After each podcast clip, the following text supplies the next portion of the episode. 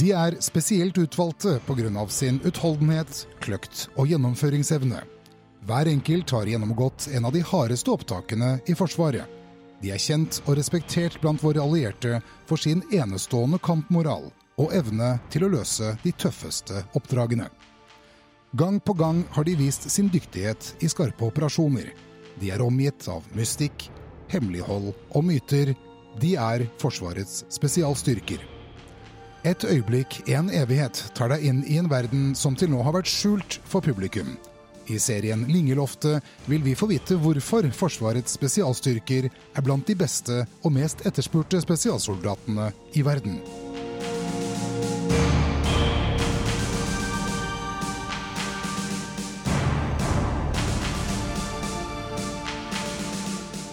Vi hadde jo da eh, tyske fly som kom over oss, men eh, de, de fant ut at uh, dette var risikabelt for deres liv også.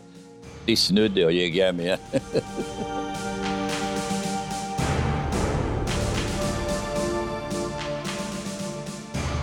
I dag skal det handle om sjøoperasjoner, og med meg i dag så har jeg Kristian Harstad, eh, nestkommanderende i spesialstyrkene. Velkommen til deg. Mange takk. Vi snakker om sjøoperasjoner og spesialstyrker, og det er ikke så rart, for vi har et ganske langstrakt land. Er vi litt flinke og går tilbake i tiden, så vil vi jo tenke på, på annen verdenskrig, hvor Shetlandsgjengen eh, var veldig operativ og fraktet agenter og utstyr fra det frie England til det okkuperte Norge. Og Det er et bra sted å begynne, og med oss eh, så har vi en av de siste gjenlevende medlemmene av Shetlandsgjengen, Jakob Strandheim. Så vi, vi hører hva han har å si først. 57 turer ble det, Jakob? Ja, det var visst noe sånt. Ja. ja, da har du jo faktisk flere turer enn selveste Shetlands-Larsen, hvis du ja. begynner å telle turer. Ja, årsaken til det var vel at eh, Larsen hadde noe i en, Iallfall én langtur nord til Finnmarken, og da rømte de over til Sverige, og det gikk litt tid med den, den turen der. De skulle jo tilbake og alt sånt. Så. Mens, mens, vi andre gikk på tur etter tur etter så. Men de første turene var med fiskebåt? Ja, da eh, Vi hørte jo eh, rykter om at det var mange som flyktet over med spesielt med fiskebåter da. For eh, fiskebåten den, var, den kunne gjemme seg. Og Så tyskerne var i, i til å begynne med iallfall ikke klar over at, at de båtene var så viktige for transporten over. Men etter hvert så gikk det jo opp for dem for uh, at uh, dette var noe de måtte passe på.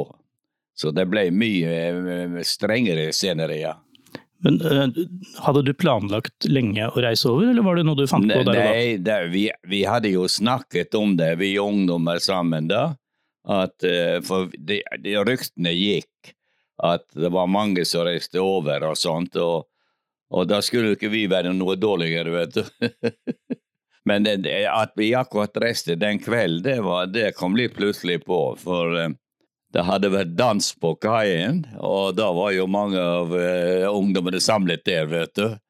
Og uh, der var det jo da greit å, å, å, å få høre hvem så da ville være med. For da var det nydelig vær den kvelden. Alt lå til rette for, for en fin tur over. Og så de som meldte seg da, var, eh, kunne få bli med. Men jeg tror vi var vel elleve stykker vi ble da. Men når, kom til, når dere kom over til, eh, til England, så hvordan kom du inn i Shetlandsengen, for å si det sånn? Vi, vi kom over til Shetland. Så ble vi da snarest mulig sendt nedover til London, hvor vi ble mer eller mindre internert da. Og forhørt da hva vi eh, visste om eh, tyskerne og anlegget og alle sånne ting, vet du. Og eh, når de for, eh, forhørene det var over, og de hadde fått vite det de ville og det vi kunne fortelle, så eh, slapp vi fri da. Så da um, meldte jeg meg til handelsflåten, for de manglet folk da. Og de, de, de fleste av, oss gikk jo i handelsflåten. Det var kun én som gikk i hæren. Men eh, så fikk jeg etter hvert greie på denne her avdelingen på Lingegjengen da, som eh, opererte på Norge. og eh, meldte meg på der. Da var jeg jo sammen med de på en del kurser og uh, var hos de oppe De, de hadde jo sine baser oppe i Skottland. da. Så begynte dere å kjøre med fiskebåter til å begynne med? som var... Ja, du vet, det, vi hadde ikke noe annet. Du vet, Fiskebåter det var det nok av som hadde rømt fra Norge. Og vi tok jo De tok jo da de beste båtene der, så de mente var det så, så vi kunne bruke i den farten der. Så det ble Jeg, jeg tror jeg gjorde vel, en, jeg gjorde vel ti turer med, med skøytene. Men det, det, var, det, var, tøff transport. ja, det vet du. Det må ha vært, ja. Eh, vært, en påkjenning? Ja, du vet, et av problemene eh, der når vi var inne på kysten om natten, så var det da å bli ferdig med, med oppdraget som vi skulle, og komme oss ut igjen. Men eh, det tok litt tid av og til.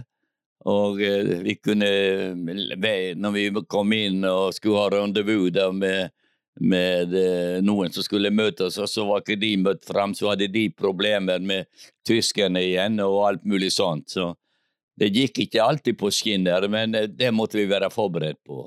Der hendte vi lover. Vi måtte finne oss et sted hvor vi kunne Eh, hvor vi kunne eh, ligge over til neste kveld, for det, det, vi fikk for liten tid å komme ut igjen. Det ville bli lyst før vi kom eh, såpass fra kysten at uh, tyskerne ikke gikk så langt ut. Så det ble et uh, spill det mellom oss og tyskerne, kanskje. Men uh, det, det, gikk bra. Det gjorde det. Så fikk dere jo nye båter etter hvert, og du var på, på ja, Hitra? Du, vi hadde nokså store tap av, av, av skøyter da. Tyskerne ble jo mer og mer klar over at disse skøytene her, noen av de holdt på og seilte frem og tilbake til Shetland. De ble jo mer aggressive og, og passet på oss der, så vi, vi hadde faktisk store tap da en, en, stund der. Og så sa vi da fra til eh, eh våre overordnede der i Skalvøy da at eh, vi er villige å, å fortsette, men eh, vi, vi, må få litt større båter og, hurtig, og, hurtigere båter. For det var jo det som var problemet, vet du. Og så var det det at, eh, at de var lydhøre der, og eh, gikk da til statene og, og, så hva de kunne tilby av båter som kunne passe. Resultatet ble jo da at vi fikk da tre sånne ubåtjagere. Det var jo Hitra, Hessa og Vigra, ble det kalt. Det ble jo en helt annen verden der for oss vet du, å komme med de. For det første så gjorde vi de god fart, og det var jo det viktigste. For, det viktigste for oss var å kunne komme ut fra kysten så snart som mulig om kvelden. Det, det, hadde noe med mørket å gjøre, med vær og vind og alt dette der. For det var jo på vinteren vi seilte og det var jo da mye ruskevær. Så eh, sommeren, da ble det forlyst.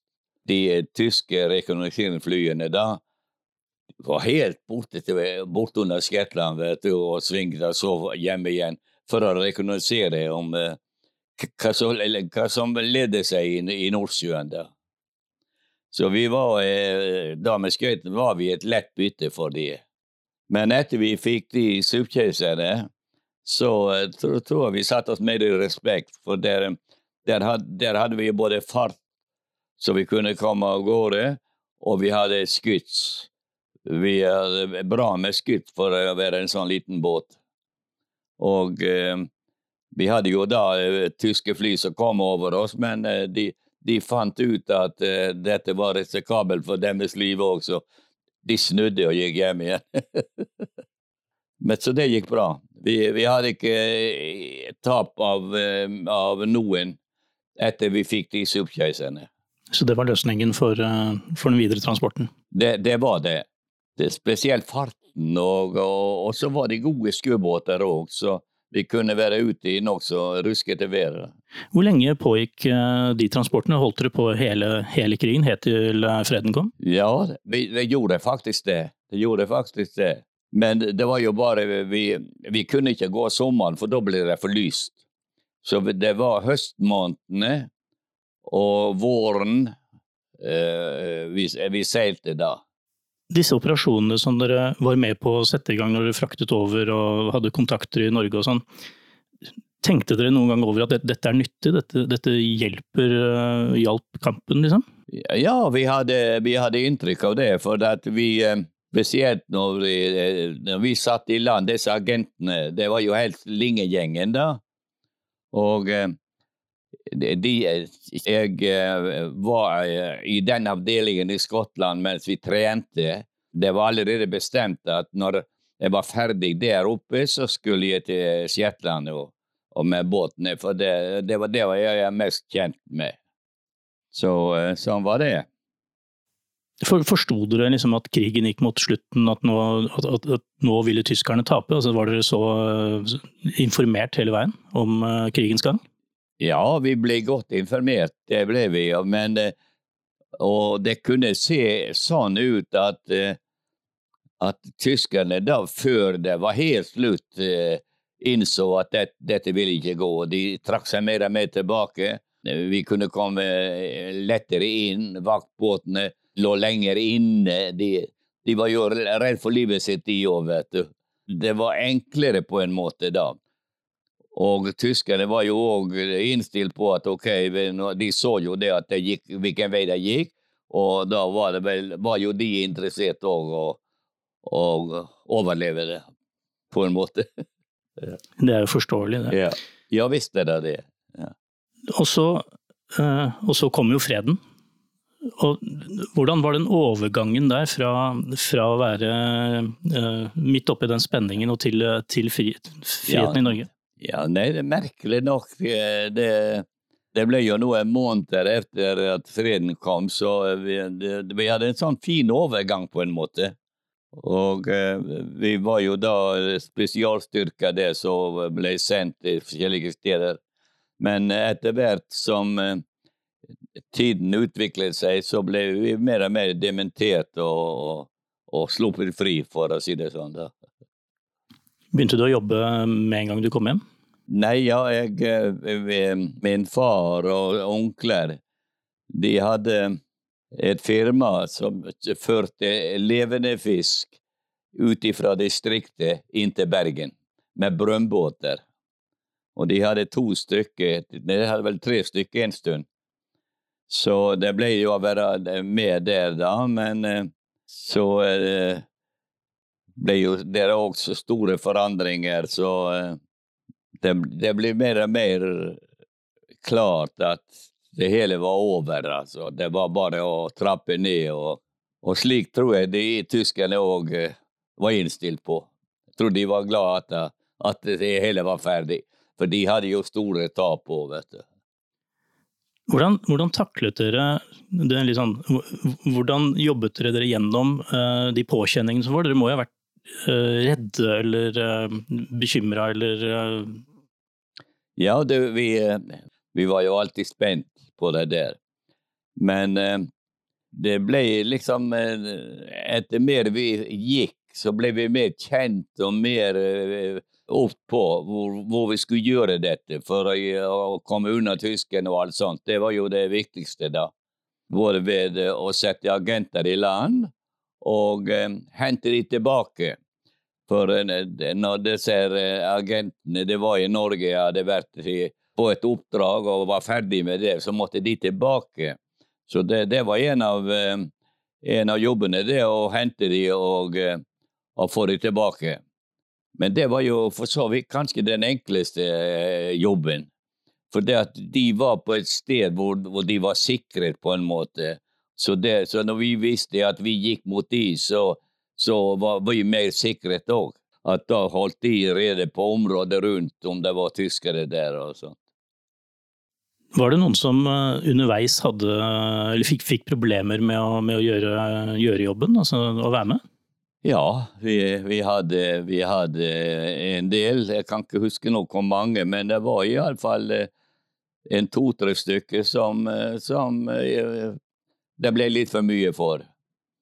Den avdelingen den, den, den bestod av folk som ikke hadde vært på båter før òg.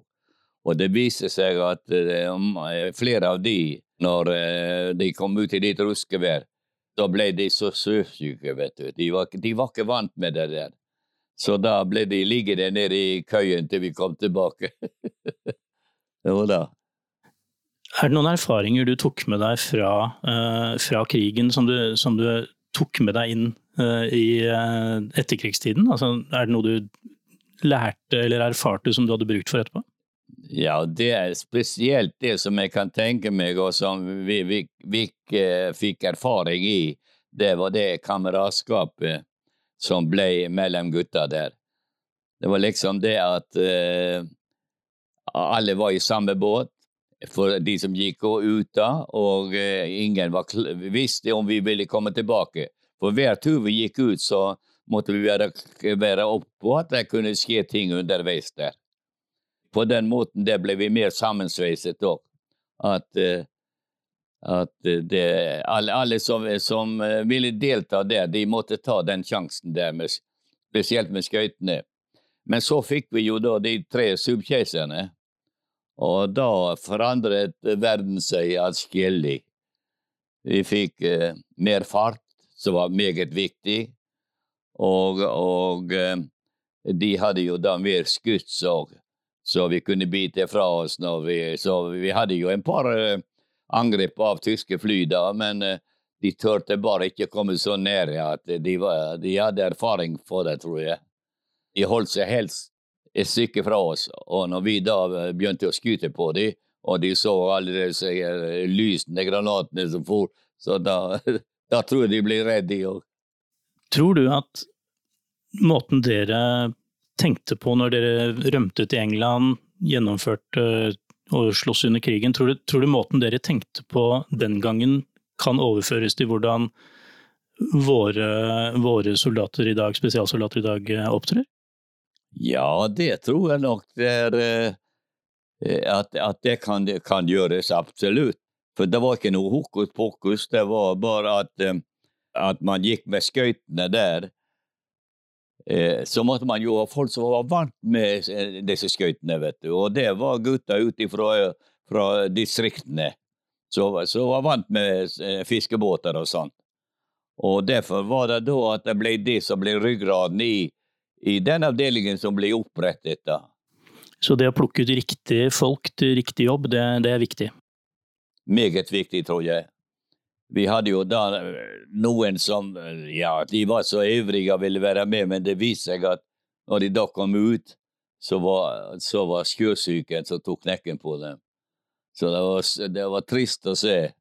De ble bare liggende nede i, i lugaren og hadde vondt. men, men det kom etter hvert. Når de fikk gå en to-tre turer, så, så, ble de eh, til slutt eh, ganske bra, de òg, som hadde problemer til å begynne med. Erfaringen der og treningen, det hjalp på uh, sjøsyken òg. Var dere noen gang i tvil om at uh, dette kom til å lykkes, at tyskerne kom til å tape? Vi var vel ikke i tvil på at tyskerne Jeg tror at tyskerne ville ta, eller ville vinne noe sånt. Det vi var i tvil på, var om vi, vi ville klare å gjøre det. og og vi ville bli, komme hjem igjen når vi var ferdig med det der. For det var jo, det var jo disse skøytene vi gikk med da, og uh, vi hadde jo tyske fly over oss, og, uh, og spesielt på, når vi var oppe på kysten da, så, uh, så var vi jo aldri sikre på hva vi ville møte. De kunne være orientert om at vi kom. Det kunne iallfall se slik ut. Men det, det gikk bra. Vi hadde flaks, tror jeg, mye. Det gikk mye på flaksen, det gjorde det. Vi ble jo overfalt av tyskerne, og eh, slik situasjonen der var, så fant vi ut at dette var jo bare gutter i sin beste alder, at eh, vi måtte være med. Eh, og det var jo oppmod, oppmodning òg å melde seg. Så det gikk ganske greit. Og vi, det var en jobb å gjøre, det var vi klar over. og tap eh, i de forskjellige avdelingene, men eh, vi var heldige. Det, det, det var eh, lite tap i avdelingen vår. Det var det. Det at Vi lærte jo litt av hvert etter hver tur hvor tyskerne oppførte seg, hvor vi kunne møte dem og alt det der. Og, Og så var det alltid noen det var alltid noen eh, på kysten som visste godt hva tyskerne holdt på med. De meldte videre da til andre, og, og på den måten så eh, ble det sendt videre til agent, de, de, de agentene som i, lå på kysten. De sendte dette videre til, til London da. Og når eh, London fikk det, da, så, måtte, så ville jo de se om hva vi trengte, og var det noe de mente at vi hadde nytte av, så eh, sendte de det opp til Skalvøy til Skjetland igjen. Var du involvert i Forsvaret etter krigen, eller var du helt ferdig med militæret da? Nei, jeg ble ikke involvert da, for eh, da hadde vi hatt fire-fem år, så da, da, da, da var det eh, greit å være fri litt. Sånn. Men eh, jeg hadde ikke noe Vet du, no, den avdelingen på Shetland, det, Forsvaret og Forsvaret. Når det gjelder disiplin, vet du, så, så var det ikke Forsvaret i hele tatt der. Det, vi var, eh, vi var vi helt frie den veien der. Og, eh, og det var jo eh, Grunnen til det var jo at det, var, en, eh, det var en vanskelig transport, der. Man kunne risikere å ikke komme tilbake når man først gikk ut der. For tyskerne ble jo mer og mer obs på at det foregikk transport fra For de så det alle disse agentene som kom, og det, så til, kom i land, vet du. De ble jo eh, værende, mens eh, når vi hadde gjort turen, så gikk vi tilbake igjen og ventet på neste tur. Mens agentene, de måtte jo da eh, selvfølgelig forsøke å stelle seg best mulig for å overleve Tenkte dere noen gang, eller Visste dere noen gang hva disse operasjonene gikk ut på, dere, når dere fraktet agenter over eller henta dem? Altså? Du, eh, nei, det var ikke mye, det. For det var en, en, liksom en stående ordre. Jeg vet ikke hvor den kom fra, vet ikke jeg, men vi skulle vite minst mulig. I tilfelle vi ble tatt, så uh, hadde vi lite å fortelle. Så det var alltid slik Nei, vi, eh, vi, vi skulle ikke spørre agentene eller i hele tatt sånn. De, eh, vi var klar over at de var ute på oppdrag, men eh, hva de, hva de skulle gjøre og ikke gjøre, det visste vi ikke. For vi spurte ikke dem heller, og hva de hadde ville fortelle oss. De ville antagelig heller ikke fortelle de, hva de skulle ut på. Da, da var de dårlige agenter, i alle fall. Men Har du fått vite noe i etterkant sånn, uh, om de forskjellige operasjonene, eller det, har ikke det vært interessant? Nei, det har jeg faktisk ikke. Det, det, var slik da at ok, det var en jobb å gjøre, og vi, eh, vår jobb var mye, og, og, akkurat det som vi snakket om nå, å sette agenter i land og hente dem igjen når, eh, når de, de hadde behov for det det, det, var jo flere ganger det at uh, de agentene kom i trøbbel og ble for fram og tilbake inn Norge. Og uh, vi måtte da et eller annet sted forsøke å hente de og få de ut igjen. Det er lenge siden, så detaljene begynner å forsvinne. Men det, det har jo ikke så mye å si akkurat. Og det er jo hovedingrediensene i det, det, det som foregikk, på en måte. Så det, det, den hadde alle, alle de eventuelle tetene som det kunne. Spenning og eh, flaks. Det var noe som måtte følge med.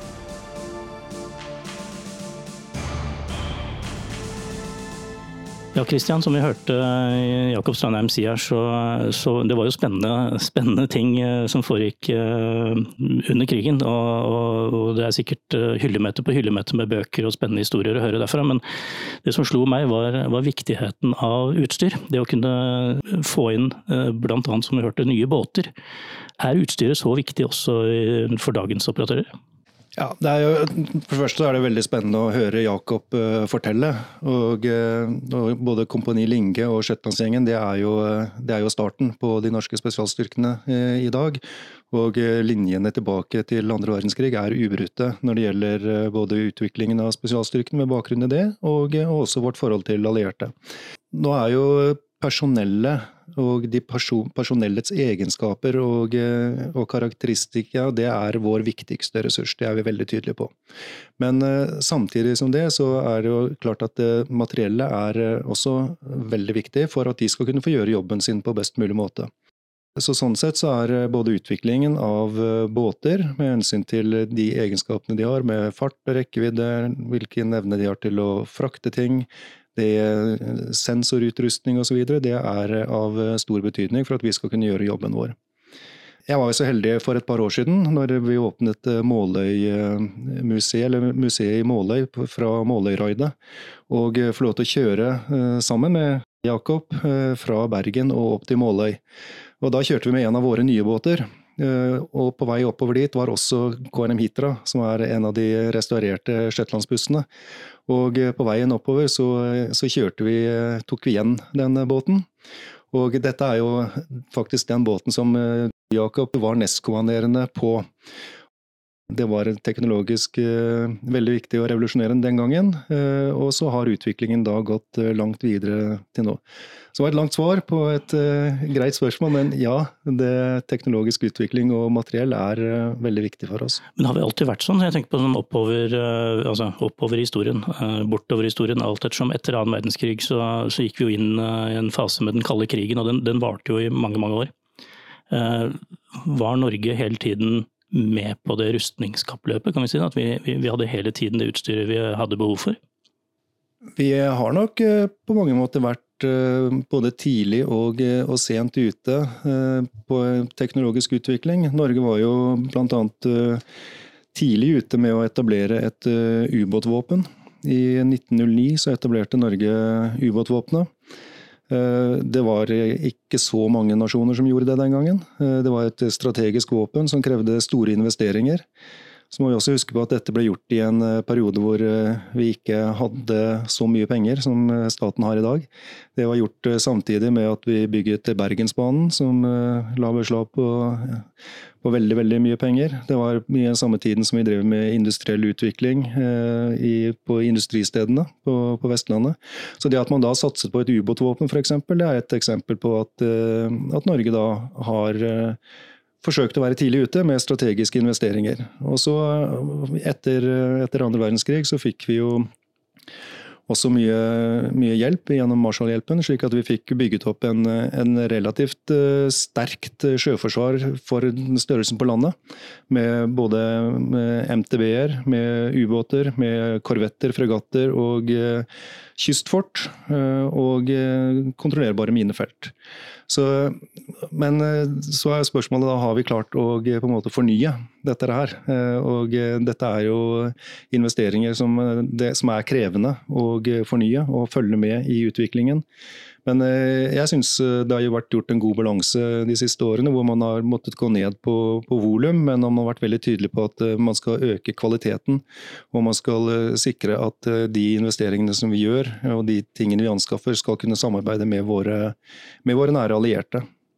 For Her kommer vi inn på noe som er litt essensielt, nemlig dette med spesialister. Eh, både for eh, spesialstyrkene, det ligger jo navnet at det er jo flinke folk, men også, også andre deler av f.eks. Marin. Du, kjenner jo litt til dette her som tidligere ubåt, eh, ubåtmann?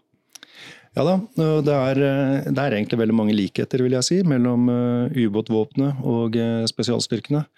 Eh, likheten ligger i at eh, det er eh, begge, begge, disse miljøene består av personell som er veldig, veldig dedikerte til jobben sin.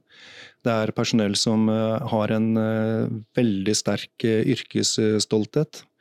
Det er personell som vil bli best i sin jobb. Det er Begge miljøene har personell som er helt avhengig av å samarbeide tett seg imellom. Det er, dette er ikke miljøer hvor, hvor, det verken er rom eller hensiktsmessig med noen form for individualisme. Dette er et teamarbeid. Dette er et tett faglig samarbeid eh, hos veldig, veldig flinke folk. Så, så, for meg, så er, som jeg har tjenestegjort i, i begge disse miljøene, så ser jeg helt klare sammenhenger og sammenligninger. Ja, fordi Vi snakker jo om, eh, om, en tid, eh, hvis vi går dypt inn i den kalde krigen, 70-80-tallet, eh, med, med operasjoner som befolkningen sannsynligvis ikke vet om, og, øvelser også som, som har liksom vært hyllet inn i tåken. Hva kan du si om det samarbeidet som har vært mellom spesialmiljøene og, og resten av skal vi si, marinen? Frem til 2014 så var jo Marinejegerkommandoen en del av Sjøforsvaret. Og hvis vi går lenger tilbake i historien, så var jo faktisk Marinekommandoen en del av ubåtvåpenet. Eh, så når jeg begynte i, eh, i, spesialstyrkene eh, helt tilbake i 1986, så var Marinekommandoen en del av ubåtvåpenet. Så etter hvert så gikk jeg over og hadde en periode hvor jeg tjenestegjorde på ubåt. Og det var da fortsatt i den samme organisasjonen. Eh, så på begynnelsen av 2000-tallet så ble jo eh, Marinekommandoen eh, trukket ut fra ubåtvåpenet, og man etablerte Kyststridsflatiljen sammen med noen andre spesialiserte miljøer i Sjøforsvaret, bl.a. Mindykkerkommandoen og, og Kystjegerne, som da var utviklet ut fra de gamle kystfortene.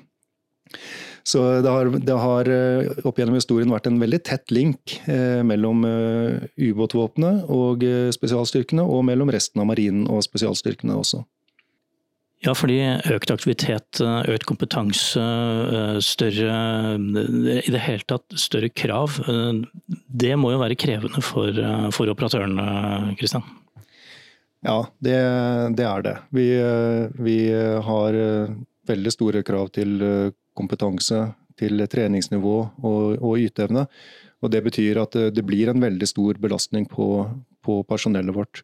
Én ting er at eh, de nå eh, deployerer eh, mye ut på operasjoner. Og så er det det at vi, når de da ikke er på operasjoner, så er det en masse ting de skal gjennom. Det er kurs de skal på, det er trening og øving som må gjennomføres imellom her. Noe som eh, selvfølgelig også da belaster eh, veldig eh, hjemmesituasjonen til, til operatørene våre.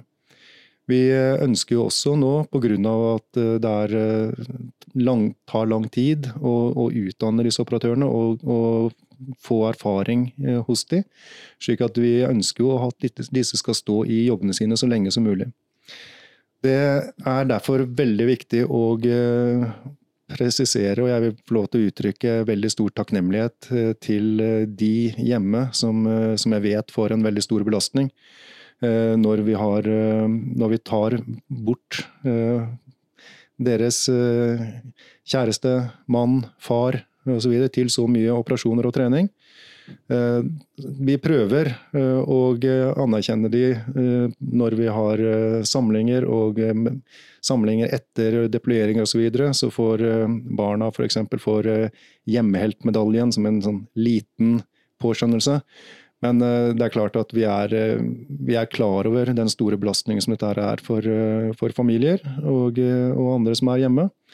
Og Derfor så blir en, en helhetlig personellivaretagelse er noe vi ser på hvordan vi kan bli enda flinkere til. Fordi vi må, vi må, ikke bare tenke på operatørene våre, vi må også tenke på alt som er rundt operatørene våre.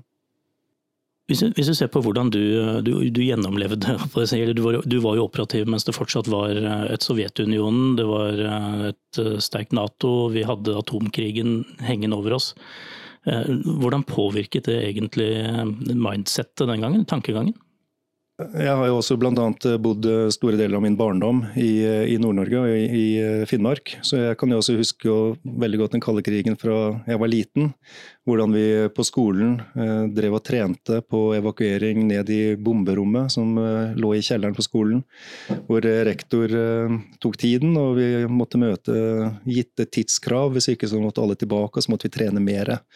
det var nok det er nok noe som jeg også har, eh, har, eh, dratt med meg videre. Så når jeg begynte i Forsvaret, så var det, var det en kald krig. Vi, vi, var fokusert mot beredskap, vi var fokusert mot eh, Forsvaret Norge. Vi hadde ganske strenge beredskapskrav den gangen på å kunne rykke ut. Og, og det samme når jeg da gikk over på, på ubåt, så var det også en veldig fokus på Forsvaret av Norge, på uh, sikring av, uh, av, våre interesseområder. Og et, uh, et veldig høyt, høy arbeidsbelastning på, på, mannskapene og veldig mye seiling på den tiden. Også. Kan du huske noe om, om dere reflekterte veldig mye over hva som, hva som, kunne skje? Hva som var konsekvensene av, av det som foregikk rundt omkring på øvelser og på samarbeid med andre nasjoner osv.? Ja, det, det, gjorde vi. Og det, jo, det, er jo det Forsvaret driver med. Si. Det, er jo, det er jo å forberede seg på at det verste kan skje. Og det er derfor vi er her. Det er nettopp for å forhindre at dette skal skje. Eh, så det var absolutt en sterk fokus mot alvoret i situasjonen og betydningen og viktigheten av det arbeidet vi gjorde. Men men der er mitt inntrykk at eh, Forsvaret også den dag i dag er, eh, og alle mannskapene i Forsvaret er, er veldig bevisste på både hvorfor vi er her og hva oppgaven vår er, og at dette kan bli alvor. Og, og det er, som jeg sa i sted, det er derfor vi er her. Det er for, vi er en forsikring for, som skal søke å hindre at vi kommer i en sånn situasjon. Ja, for Vi kommer fort tilbake til, eh, til det evige spørsmålet om hvorfor norske spesialsoldater er så ettertraktet og ranka, eh, som en sa her, eh, i elitedivisjonen. Og, og du drar paralleller til, til politisk klima du i Norge? Ja, det er mange grunner til at norske spesialstyrker har den posisjonen de har i dag i, uh, i, si, i verden. Én uh, ting er jo at vi har uh, veldig veldig bra personell. Vi har en uh, måte å velge ut personell og trene de på som vi mener fungerer veldig godt. Vi har vært heldige og fått både budsjetter og et system rundt oss som gjør at vi kan anskaffe nytt materiell. Eh, vi kan anskaffe det raskt. Vi kan få materiell som er tilpasset det vi trenger, og som er det vi kaller for interoperabelt, altså som kan samarbeide med våre nære allierte, spesialstyrkene fra våre nære allierte. Men jeg vil, som du sa, så vil jeg også trekke frem en annen grunn, og, og det er at eh, Norge regnes eh, som å være veldig politisk stabilt. Dvs. Si at de lange de lange linjene på sikkerhets- og utenrikspolitikken vår de oppfattes av våre allierte som å være ubrutte, uavhengig av hvilken politisk eh, konstellasjon som sitter med regjeringsmakten. Så er altså de lange linjene ubrutte. Og det, det hører vi veldig ofte også fra, fra våre allierte som en, eh, en, veldig positiv ting, at Norge regnes som, eh, som politisk stabilt på det området. Så da får vi heller eh, tåle litt eh, debatt rundt eh, hvor mye penger man får hvert fjerde år, da. Sånn cirka. Ja, det, vi får de pengene vi får, og vår oppgave er å, å gi Forsvaret, eller gi mest mulig ut av de pengene vi får. Hvis vi kommer tilbake til, til liksom operasjoner og, og, og, jobben som gjøres eh, der ute, så, så er det jo Vi kommer hele tiden tilbake til, til dette med tankegang, eh, hvordan, hvordan, dere velger ut personellet, hvordan de trenes og sånn. Men hvordan opprettholder man det som så fint heter moral, den, den kollektive mentaliteten over tid? Hvordan klarer man å være overbevist om at dette er verdt innsatsen?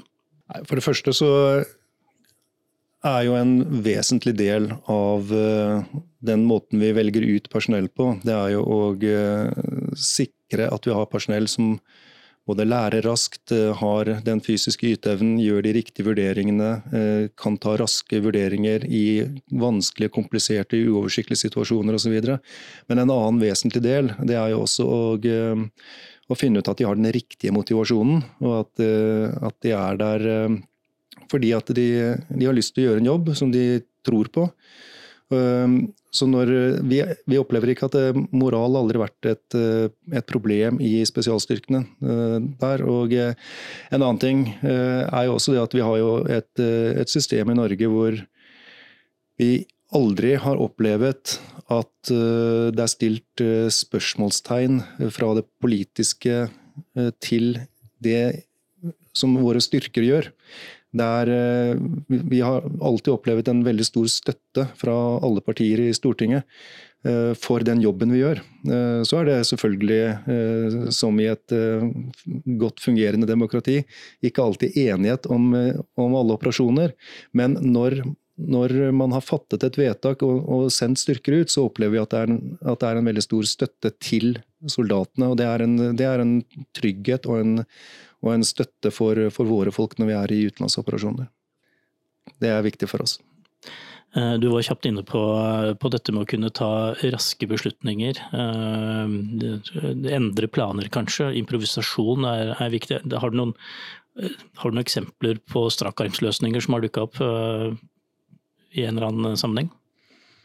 Det er mange eksempler på det, men jeg, jeg, har ikke så lyst til å gå inn på, på konkrete eksempler her. Men, men uh, det skjer ting i operasjoner eh, hvor vi er helt avhengig av at alle våre folk som er med på operasjonene, som er ute i felt eller ute i gatene eh, og skal, skal gjøre en militær operasjon, at de forstår hva er hensikten med det vi skal drive med, hva er de overordnede målsetningene, slik at når noe uforutsett skjer, eh, noe som vi ikke har planlagt for, annet, eh, en eller annen situasjon oppstår, så er vi helt sikre på at de da tar de riktige avgjørelsene, sånn at vi får den riktige effekten som vi snakker om, som vi er så veldig opptatt av.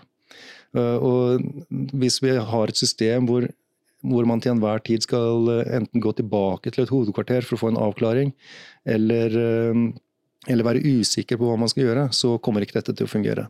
Så vi legger veldig stor vekt på at eh, alle som er eh, ute, de vet hva er hensikten, hva er det vi skal oppnå, slik at de kan der og da ta de riktige avgjørelsene.